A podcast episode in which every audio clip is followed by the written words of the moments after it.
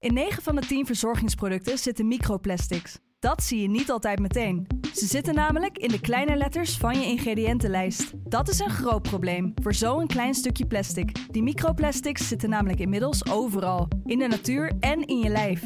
Gelukkig zijn er ook merken die gewoon microplasticvrij zijn. Want dat het anders kan, dat weten we bij Weleda, Lekker Company, Marcel's Green Soap, Naïef, Smaal en Witlof wel. Dus check de kleine letters. Die hebben de grootste impact. In 9 van de 10 verzorgingsproducten zitten microplastics. Dat zie je niet altijd meteen. Ze zitten namelijk in de kleine letters van je ingrediëntenlijst. Dat is een groot probleem voor zo'n klein stukje plastic. Die microplastics zitten namelijk inmiddels overal, in de natuur en in je lijf. Gelukkig zijn er ook merken die gewoon microplasticvrij zijn. Want dat het anders kan, dat weten we bij Weleda, Lekker Company, Marcel's Green Soap, Naïef, Smaal en Witlof wel. Dus check de kleine letters. Die hebben de grootste impact. De stroom.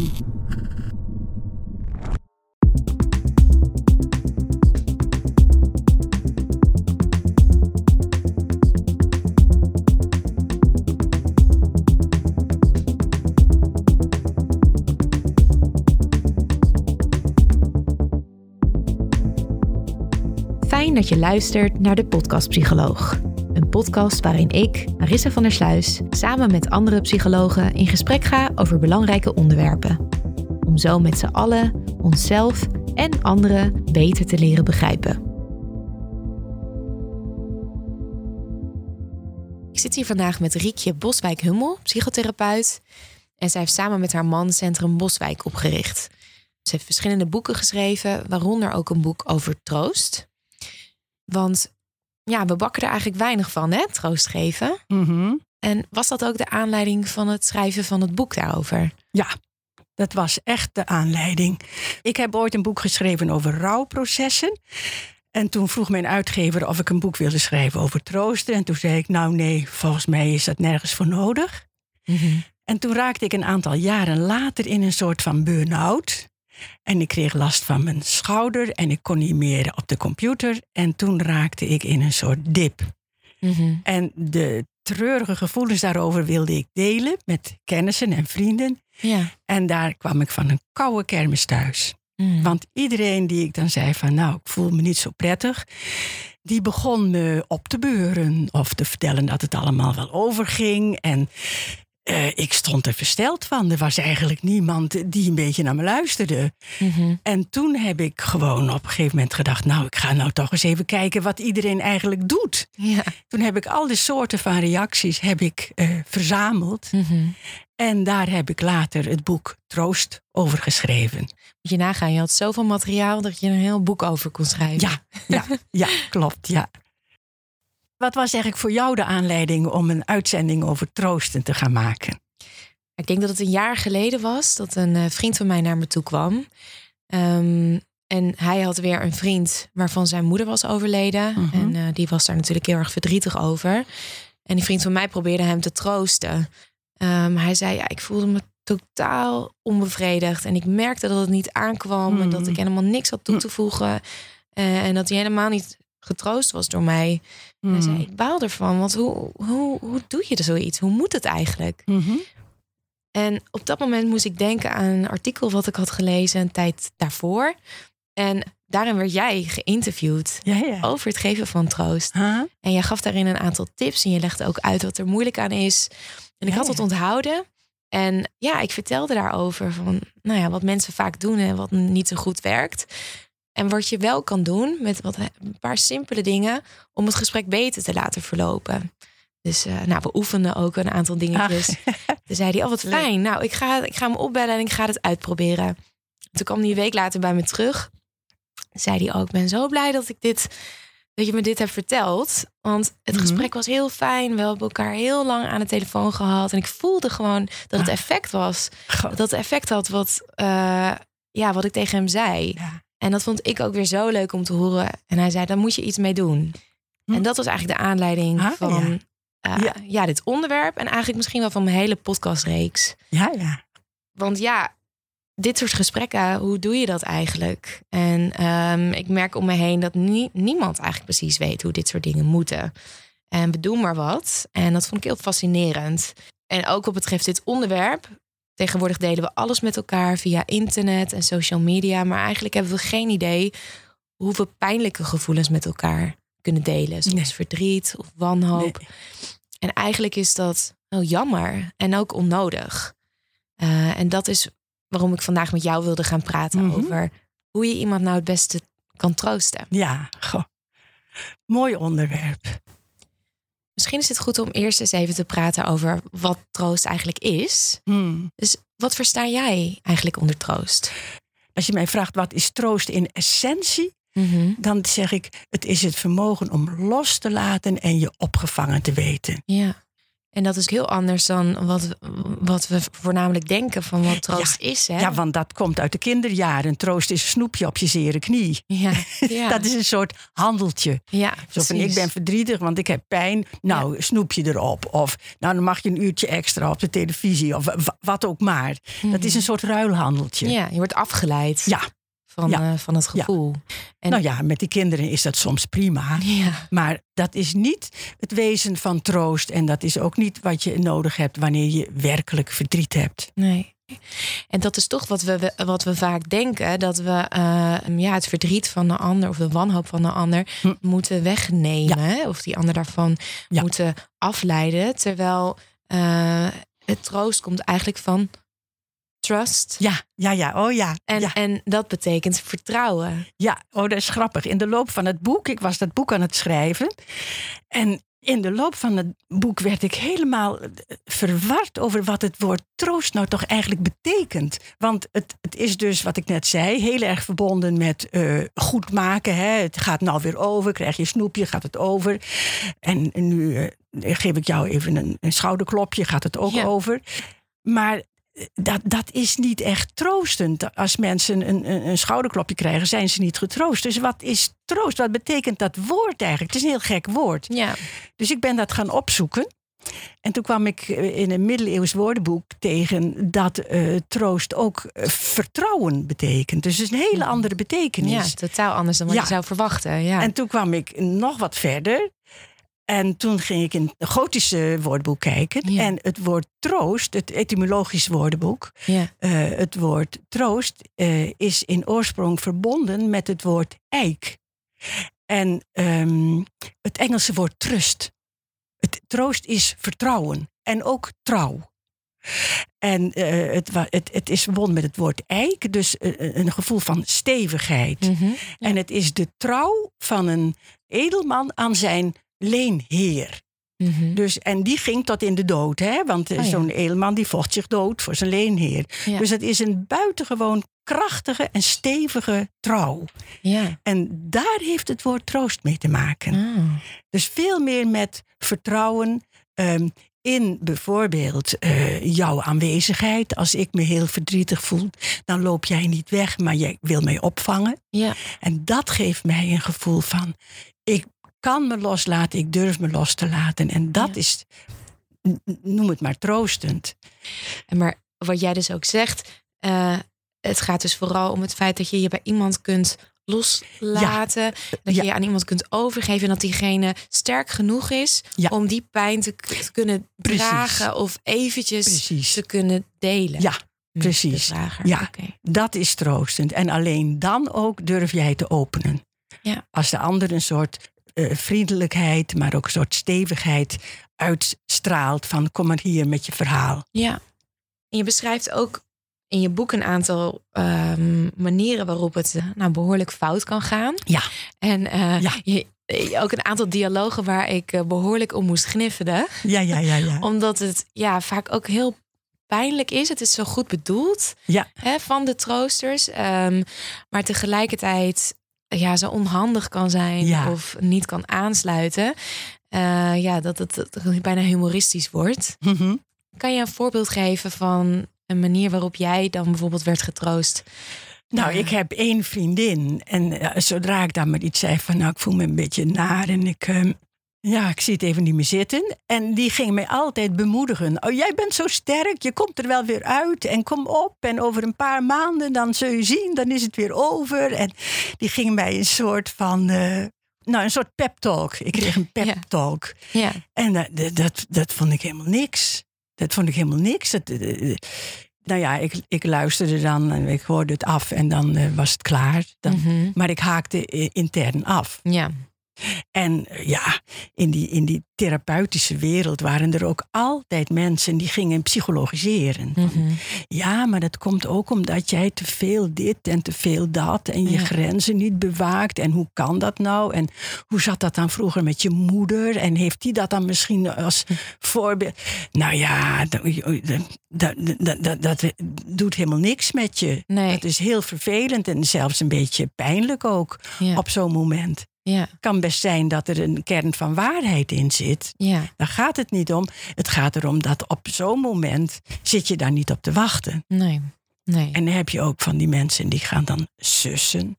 Van, ehm, nou, ach joh, het valt wel mee. Mhm. Kom op. Hè? Volgende week is het weer beter. Ja.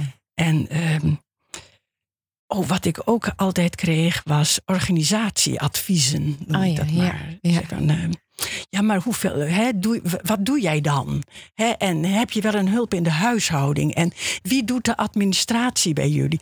Dan ging, mensen gingen zich bemoeien met mijn leven Ja. en gingen organisatieadviezen geven. Ja. Nou, daar werd ik meestal toch redelijk nijdig over. Ja, dat kan ik me goed voorstellen. Want je, je begint wat te vertellen over je, dat je je somber voelt, dat je je niet goed voelt. En uiteindelijk kom je uit op dat je je administratie Ja. moet, mo- aan iemand moet eh, overgeven. Ja, Of door iemand anders moet laten doen.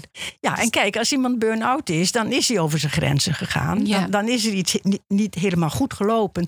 En natuurlijk moet er naar gekeken worden. Mhm. Maar niet op dat moment nog. Nee. En ik geef altijd een voorbeeld, wat iedereen ook altijd herkent. Ehm, ik, ik had een keer iets meegemaakt in, eh, in de stad.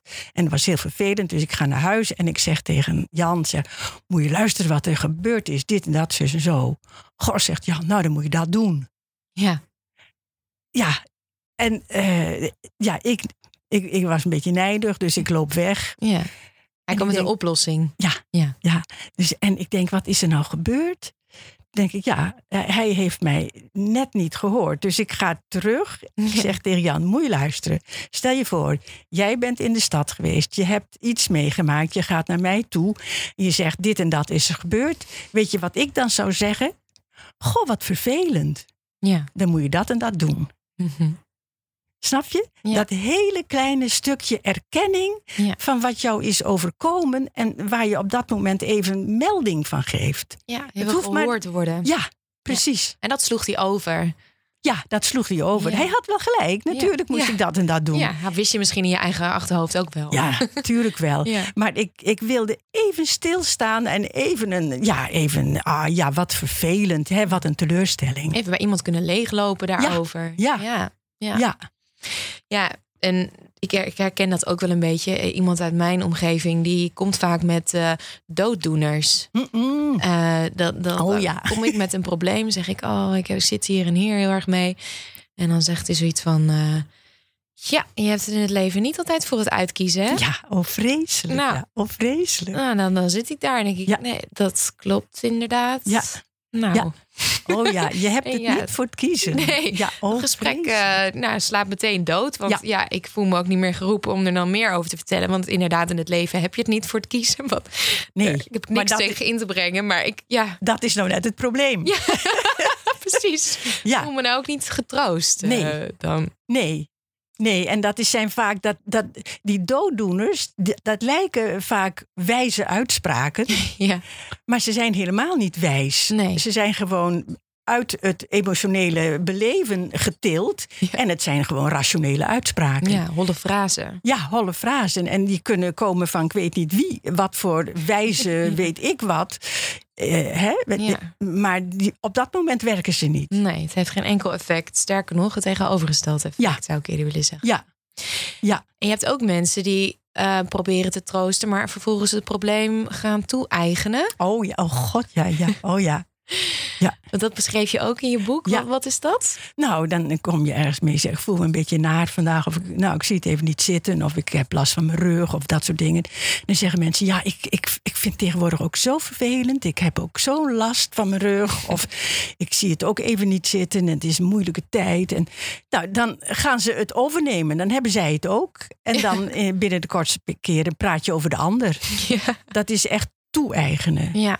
Ja. In plaats van eh, aandacht bij de ander leggen, de Mhm. aandacht naar jezelf toetrekken. Ja. En het kan best zijn dat zo iemand het ook op dat moment net, eh, weet ik wat, rugpijn heeft of wat ook maar. Maar dat is niet aan de orde om het daar dan over te hebben. Dat werkt niet. Nee. En al die manieren die we net hebben besproken, nou ja, van troosten die niet zo goed werken. Dus dat zijn eigenlijk de, de, degenen die willen helpen. Ja. De helpers. Ja, ik noem dat helpers. Ja. Ja. Wat, wat is daar nou het effect van? Nou, de gemene deler van al die manieren van doen is dat ze jou als, ik noem dat maar even de, de klager, hè, degene met, met de pijn, ze halen jou af van je pijn. Mhm. Ze halen Ja. de aandacht weg van jouw pijn. Ja. Door je een advies te geven, door te zeggen dat het wel meevalt, door te zeggen dat een ander nog veel erger dan toe is. En al, nou ja, dat soort dingen. Ja. Dat we zeggen, ze kijken niet naar wat er bij jou is en wat jij aan de orde wilt stellen, maar ze halen jou ervan af. Ja. En dat geeft op zijn minst een gevoel van teleurstelling. Of in de steek laten. Of eh, ja, bij mij vaak irritatie van gadverdamme, nou, eh, laat me zitten. En in ieder geval klapt het gesprek dicht. Op dat niveau wordt niet meer gecommuniceerd. Nee.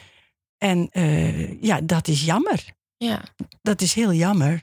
Ja, want je, degene die getroost wil worden gaat zich misschien terugtrekken. Ja. En gaat het in ieder geval niet nog een keer Nee. proberen. Of die Nee. kans is klein. Mhm. En daar wordt de relatie ook niet beter van. Nee, zeker niet. Terwijl het juist eh, ja, voor veel verbondenheid zou kunnen zorgen als het Ja, ja zeker. Zeker. En dat is vaak ook de angst van mensen om zich uit te spreken. Maar dat is weer een, een ander, ander onderwerp. Maar dat juist die verbondenheid geeft een gevoel van samen zijn, van intimiteit. Mhm. En daar zijn wij eh, tegenwoordig niet meer zo erg mee bezig. Nee. Wij zijn heel erg bezig met een ik te zijn en het vooral heel goed te hebben. Ja. Veel mensen proberen eh, ja, een soort van redder te zijn, hè? In plaats van een Mhm. trooster. Mhm. Ehm, maar je hebt ook mensen die eh, juist echt ingaan op het gevoel, maar daarin juist doorslaan. En hoe, hoe troosten die? Nou, die troosten vooral door al hun eigen verdriet er ook bij te sleuren. Van, oh ja, dat, dat voel ik ook. Dat zie je heel veel bij condolences. Dat mensen ook eh, in tranen uitbarsten van wat erg voor jou. En die tranen zijn toch vaak ook hun eigen tranen. En het effect is dan dat je eh, twee hele diep bedroefde mensen krijgt. En die dan wel hetzelfde voelen, maar ja, die zijn met z'n tweeën in de put. Mhm. Dus dat, dat ja, misschien helpt het, maar eh, meestal eh, maakt het mensen alleen nog maar mistroostiger. Ja. Dat- Dus dat zijn mensen die echt zeggen: Oh, wat erg voor je. Oh, dat, wat, wat afschuwelijk. En dan zelf ook helemaal verdrietig doorraken. En misschien Ja. ook in tranen. Waardoor je als troostvrager dan denkt: Oh jee, Ja. wat, richt ik aan door Precies. met mijn verdriet naar die ander Ja. te gaan? Precies, vaak zijn dat dan eh, gebieden van verdriet en, en pijn die daar nog liggen in die trooster. Ja. En die worden op dat moment aangeboord. Ja, Dus het, ze, ze zijn dan op zo'n moment ook eigenlijk geen, geen trooster meer, maar ze zijn ook gewond en klagend. Mhm. En eh, dat, dat helpt niet. nee. Want dan zit je met z'n tweeën een beetje elkaar in de put Ja. te praten. En ja, er is niemand die eruit kan klimmen. Nee, ik vergelijk dat vaak met twee mensen op een, eh, een vlot in de zee. En die zijn weerloos overgeleverd aan, de, aan de golven. Ja, Die, eh, die kunnen niet meer sturen. nee. Terwijl als ik eh, opleiding gaf in, in therapie bijvoorbeeld, en heel veel therapie komt ook neer op gewoon troosten, luisteren en troosten. Dan gaf ik altijd het voorbeeld als therapeut: mag je met één been in de woelige baren staan, maar hou je andere been op de begane grond. Mhm. Blijf op de vaste wal staan. Ja. Hè, en dan kun je heel goed eh, meevoelen met een ander en be- beamen en invoelen en enzovoort. Maar je blijft eh, met een ander deel gewoon op orde en op de vaste wal. Mhm. En op dezelfde manier als een kind huilend bij de moeder komt, Ja. dan moet die moeder niet ook mee gaan huilen en klagen en ik weet niet wat. Nee. Nee, die moet in rust blijven en die zegt: God, kom maar hier en huil maar even uit en ik ondersteun je en ik ben er voor je. Maar ik blijf op orde. Ja. En dat geeft een gevoel van veiligheid. Mhm. En die veiligheid maakt dat iemand zich over durft te geven. Ja, mijn ervaring is dat veel mensen denken dat als ze er zich eenmaal aan overgeven, dat het dan niet meer overgaat. Ja. Dat het dan helemaal misgaat, wat Ja. het dan ook mogen betekenen. Maar Nou, die uitspraak is dan ook: hè, ik verzuip in mijn verdriet. ja, Als ik dit verdriet toelaat, dan kom ik er nooit meer uit. ja, En in zekere zin is het ook waar dat je moet verzuipen in je verdriet. In die zin dat je moet ophouden te willen je leven te organiseren. Mhm. Dat doe je namelijk niet. Ehm, er overkomt je iets wat pijnlijk is. Dat had je niet gewild. Het is je toch overkomen. Dus geef jezelf maar over. Er gebeurt niet wat ik wil, Mhm. maar er gebeurt wat er gebeurt. dat lijkt ook iets te zijn wat tegenwoordig steeds meer mensen moeilijk vinden. Ja. Omdat ze, ja. Ja. we zijn eigenlijk helemaal niet meer bereid om leed te, er- te ervaren Nee. en, en te onderkennen. Nee. En we gaan ervan uit dat het leven maakbaar is. Ja, En we gaan ervan uit dat als jij je doelen niet bereikt, dat het jouw eigen schuld is. ja, Terwijl er gebeuren dingen die je gewoon niet wilt.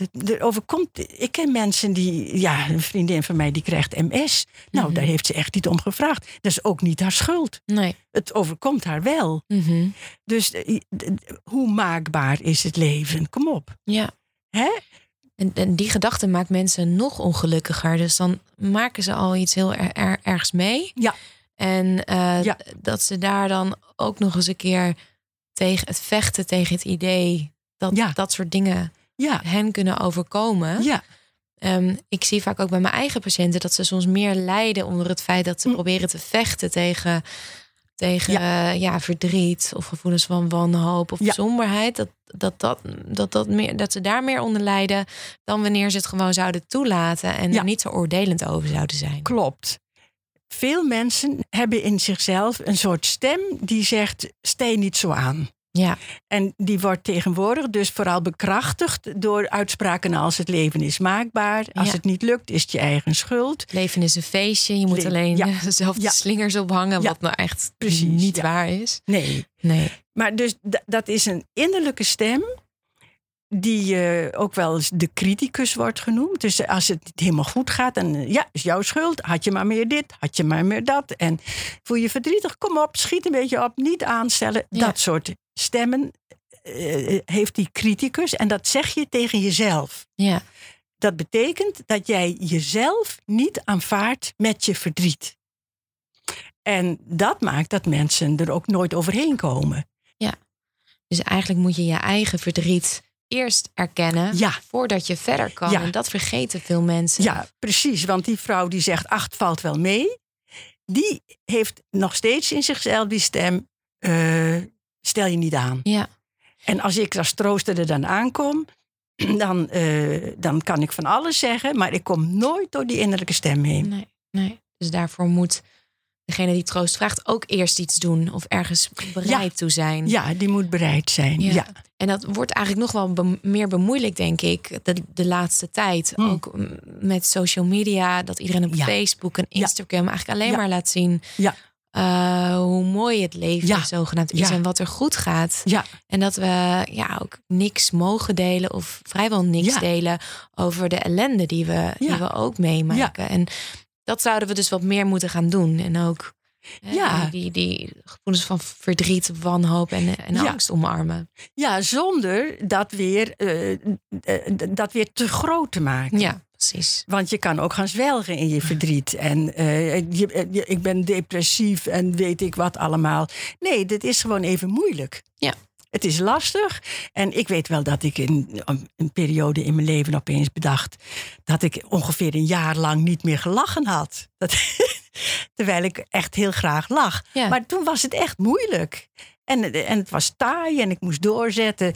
En eh, er viel helemaal niks te lachen. Nou, zeg ik, een jaar, dat is best lang. Ja, heel lang. Maar tegenwoordig zijn mensen al hotel de botel als ze zich een weekje niet goed voelen. Mhm. Nou, dat, dat, dat is echt in de lijn van de verwachting van het leven hoor. Je een weekje niet goed voelen. of echt een flink probleem hebben. Ja. Er wordt heel vreemd naar verdriet gekeken. Terwijl voor mij, maar ja, dan moet je wel verschillende soorten verdriet niet verwarren. Maar even als je pijn hebt en je durft het los te laten, dan voelt dat als verdriet. Mhm. En dat verdriet gaat altijd over. Dat, dat, dat is gewoon een zekerheid. Ja. En als je dat verdriet hebt losgelaten, kom je in een soort rust terecht. En vanuit die rust kun je weer kijken en denken: nou, wat ga ik nu doen? Ja. Ga ik dit doen? Ga ik dat doen? Ga ik dat doen? Ja. Oké. Ehm, en ik wilde het ook nog even met je hebben over die, die angst voor emoties die we tegenwoordig lijken te hebben. En dan voornamelijk voor emoties zoals angst en verdriet. Dat leek vroeger wel anders te zijn. Ehm, Ik weet het niet zeker. oh, Het is wel zo dat vroeger mocht je, als er iemand was overleden, kreeg je een rouwband. En iedereen wist, oké, daar is iets aan de hand. We een beetje uitkijken. We een beetje vriendelijk zijn of Mhm. wat ook maar. Maar ja, ik, ik weet het niet. kreeg je daar niet veel, veel langer de tijd om. Want nu lijkt het alsof je. eh, ja, dat mensen om je heen op een gegeven moment denken: nou, nou is het wel genoeg geweest. Nou, Dat ben je wel lang genoeg verdrietig geweest. Ja, en, eh, dat is ik heb het idee dat dat vroeger, dat je daar wat langer de, de tijd en de ruimte voor kreeg om je verdrietig te voelen of om, je, om ergens om te Ja.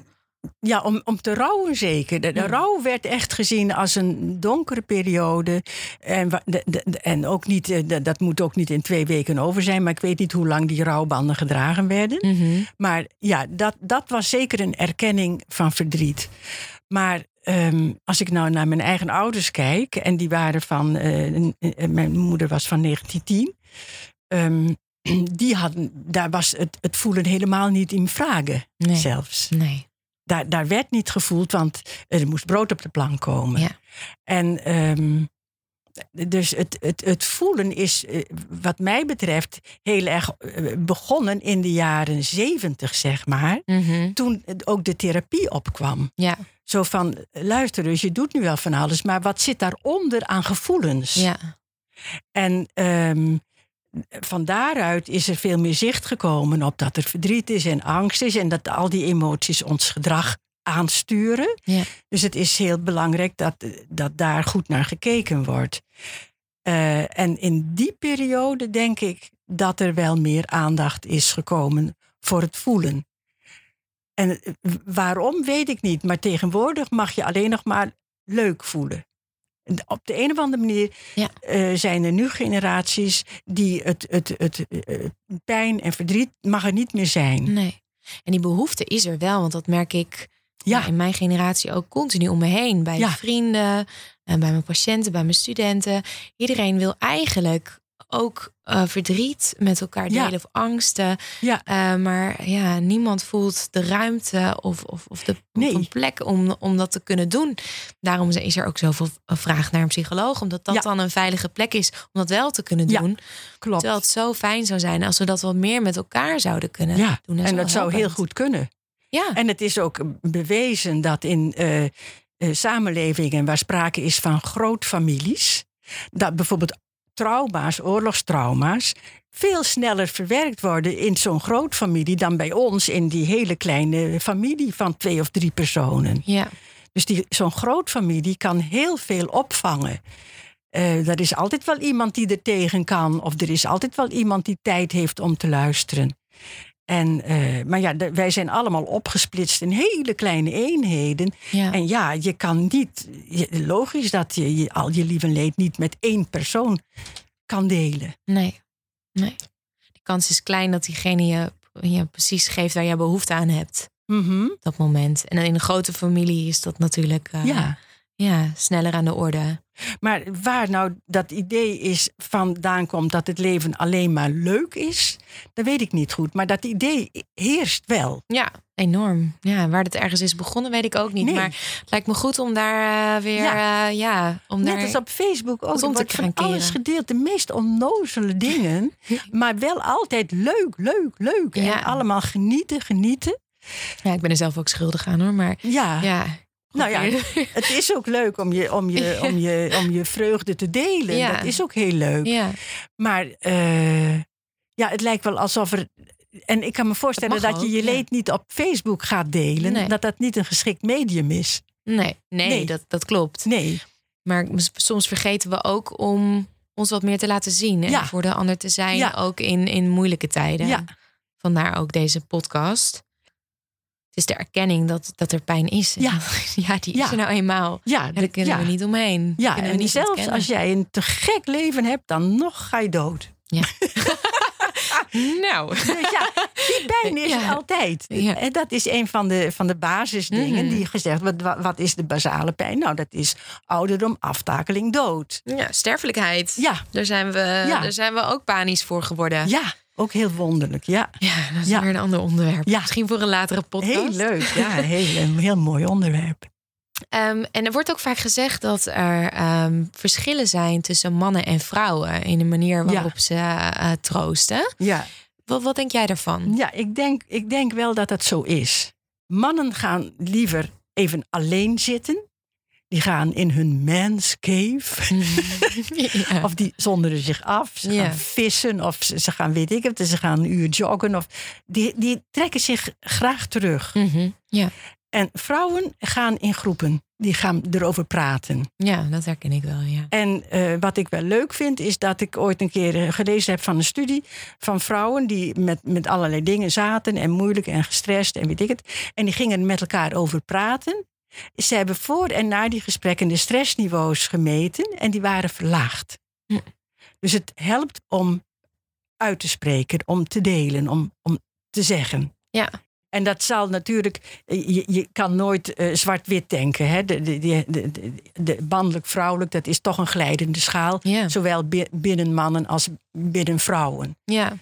En dan vraag ik me toch af of dat eh, iets aangeboren of aangeleerd is. Ja, Want dat- ik, ik moet ook veel mannen, ook soms eens vrienden van mij of, of mannelijke patiënten, die wel zeggen: Oh, ik heb eigenlijk zo'n behoefte aan om dat misschien ook te kunnen delen met Ja. mijn eigen vrienden. Maar Ah ja, ik weet niet hoe, ik, ik weet niet waar ik moet Ja. beginnen. Ja. En dan denk ik altijd: Ja. Oh, misschien zit er toch wel dezelfde behoefte onder als, als, als de behoefte die vrouwen hebben. ja, ik kan me niet voorstellen dat dat verschilt. Nee, ook Nee. niet. Nee, maar dat geldt sowieso voor alle gesprekken die je hebt met of mannen of vrouwen. Is dat je heel goed moet kijken, eh, wie heb ik voor me? Mhm. En wat is er met die ander op dit moment aan de hand? Ja. En kan ik nu een beetje die kant nog uit? Of kan ik nog een beetje die kant nog uit? En ook gewoon te vragen. Dan willen onze luisteraars natuurlijk eh, graag weten wat ze kunnen doen om eh, wel eh, goed te kunnen troosten. Ehm, heb jij een, een eerste advies? Nou, het, het heeft natuurlijk alles te maken met kunnen luisteren. En op zo'n manier luisteren Mhm. dat de ander ook zijn verhaal gaat vertellen. En dat betekent dat je om te beginnen luistert vanuit een vriendelijk standpunt. Eh, je straalt uit, ik luister naar je en ik, ik ben er voor je. En ik oordeel niet. En ik oordeel niet. Ik vind hier niks van, ik luister alleen maar. Ja. En ik heb eh, eventueel wat vragen van, goh, hoe, hoe was dat dan voor je? En wat soms ook, wat mij vaak heel erg helpt, is als iemand zegt van, goh, ja, dat zou ik ook zo voelen. Mhm. In Dan jouw ben situatie. Ah, ja, hè, ik ben niet gek. Dat. ja, ja. dat heb ik dan. Maar ik ken ook mensen die dan zeggen, nou, daar weet jij niks van. Nee, nee. Dus, dat- Dus het komt soms heel precies hoor. ja. Maar je kan iemand, eh, alles wat nodig is, is iemand naar zijn verhaal te brengen. En soms kan het zelfs goed zijn om even helemaal niks te zeggen. Om een stilte te laten vallen.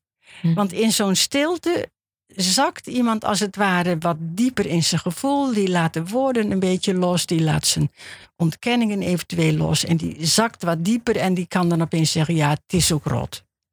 Snap je? Ja. Dus En dat mag dan ook. ja, precies. En Iemand zeg je, mag ja, natuurlijk. Tuurlijk, ja. Ja.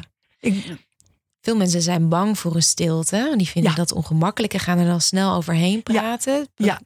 Terwijl die stilte precies dat moment is waarop het even kan Ja. inzinken. ja, en waarin jij als troost ook aangeeft dat dat, dat, dat oké is. Dat Ja. dat mag. Ja, en dat heeft ook weer te maken met de houding van waaruit jij zit. Jij zit alleen maar te luisteren. Je hoeft het niet op te lossen. Je Mhm. hoeft niet te zeggen, bang te zijn dat een stilte een drama is. Nee, blijf rustig zitten. En dan Ja. vroeg of laat zegt de ander wel weer iets. En Lijkt zo simpel, hè? Ja, het is heel simpel, maar het is daardoor, wat ik altijd zeg, simpel is lang niet altijd makkelijk. Nee, het is Nee. moeilijk. Ja. Nee, en het, is het belangrijkste is dat je erbij blijft. Dat je je aandacht erbij houdt en dat je erkenning geeft. En je zegt dan ook dat als iemand dan eindelijk zijn verdriet kan voelen en kan loslaten bij je, dat er daarna een, een moment ontstaat en dat noem je windstilte. Hmm. En wat bedoel je daarmee? Nou, dan komt iemand weer bij zichzelf. Dan komt hij terug in zijn eigen, eh, ja, hoe moet je het noemen? Op zijn eigen bodem, Mhm. op zijn eigen grond. En eh, als je daar bent, is het heel mooi om even goed te voelen hoe het daar is. Mhm. En daar is het meestal rustig. Ja, ik herken dat wel ook met mijn eigen patiënten. Dat Mhm. nadat ze dan eh, even heftig hebben gehuild. En ik, ik, ik laat er gewoon even een stilte zijn. Dat ze dan Ja. zelf op een gegeven moment zeggen. Oh, nou, ja, ik vond het niet leuk, maar het lucht wel echt heel erg Precies. op. Opluchting. Ja, Dat is wat mensen altijd zeggen als ze gehuild hebben. Oh, dit lucht op. ja, En dat is nogal logisch, want alles wat je vasthoudt eh, geeft een soort van benauwdheid. ja. Dus Zwaarte. wat je ook loslaat, ook al is het verdriet, dat lucht op. Mhm, ja. Ja. En er ontstaat ook meer intimiteit. Ja. Omdat je je Ja. allebei Ja. hebt opengesteld voor elkaar. Ja. En, en, en, je, en dat, dat blijft ook best een tijd bestaan. Ja, Je zou je altijd dat gesprek herinneren waarbij je die ander die ruimte voor jou gaf. ja. Ja. ja, en dat duurt een tijdje. En dan moet er gewoon weer wat gedaan worden. ja, dan, ga je weer in je eh, dagelijks leven verder. kopje koffie of toch Ja. nog boodschappen of een vergadering. Mhm. En dan ga je weer, eh, je pakt je boeltje als het ware bij elkaar. Je pakt je koffertje weer in en je gaat de wereld weer in. ja, maar dat kan je dan ook. Precies. Ja. En dat is ook de bedoeling. En wat ook heel belangrijk is, ik eh, noem dat helemaal aan het eind van het boek, ehm, dat je ophoudt met blinde mannetje spelen. Mhm. En ik noem blinde mannetje eh, eh, dat je niet je behoeftes eh, gewoon duidelijk uitspreekt. Mhm. Dat ik als trooster ga zitten denken, hij heeft troost nodig. Of hij heeft nou geen troost nodig. En dat een, eh, iemand die verdriet heeft niet aangeeft, ik wil er nu even niet over praten. Of fijn om er het even over te hebben. ja. Want dat kan gebeuren. Soms wil iemand er even niet eh, over hebben. Kom op jongens, even, even wegwezen. Ja. En het is goed om, om dat gewoon te zeggen. Ja. Hè, ik, ik kom je meteen en zeg, hoe is het nou met je? En eh, gaat het een beetje? Ja, maar ik wil het er nu niet over hebben. Oké, dan Ja. weet ik nu hoe we verder gaan. ja, dan weet je waar je aan toe bent Ja. als trooster. ja, En anders moet je van alles proberen. Ja, en door men- trial en error eh, ja erachter precies. te komen ja. of je het goed Net doet doen of je helderziende bent. Ja. Nou, dat ben je gewoon Nee, niet. maar dat denken we soms met z'n allen. Dat, we, Ja, dat, dat de ander kan, kan, kan ruiken Ja. wat, we, wat we willen. Maar dat is natuurlijk niet zo. en zeker, nou ja, ik denk nu weer even aan rouwprocessen. Eh, als je het hebt over rouwprocessen, iedereen doet dat anders. Ja. Sommige mensen willen er heel veel over praten, sommige mensen niet. Mhm. Sommige mensen pas na twee maanden, sommige mensen pas na een half jaar, Mhm. sommige mensen ogenblikkelijk. Dat moet je honoreren Mhm. op de een of andere manier. Eh, Ja. eh, Je kan natuurlijk in de gaten houden, gaat dit fout of, of, of loopt dit nog goed?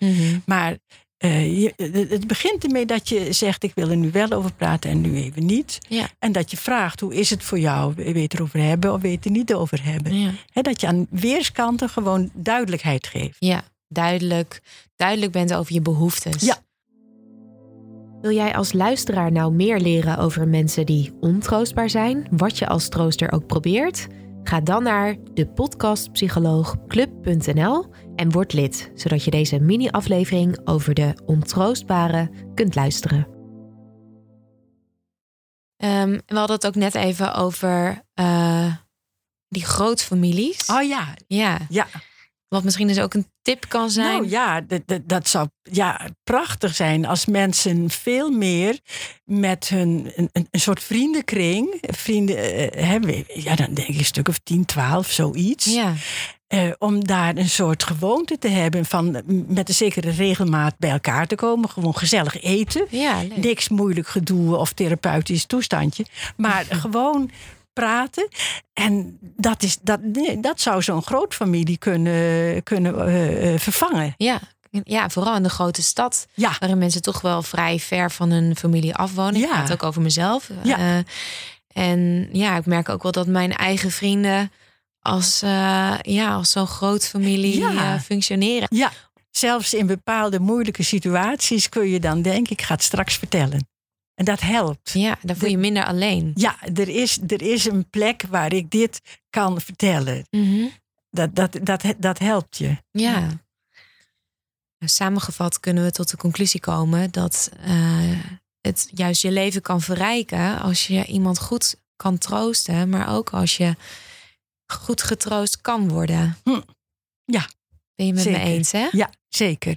Het vergroot je emotionele nabijheid en uh, het geeft een mooier contact. Mm -hmm. Ja. Nou, dan moeten we maar eens proberen dat wat meer te gaan doen met z'n allen. Ja, ja. Als de luisteraars nou meer willen weten over jou en je werk, waar uh, kunnen ze dan heen? Nou, dan kun je het beste naar de website gaan. centrumboswijk.nl. Daar staat alles. Nogmaals bedankt, Riekje. En hopelijk tot snel in de volgende aflevering.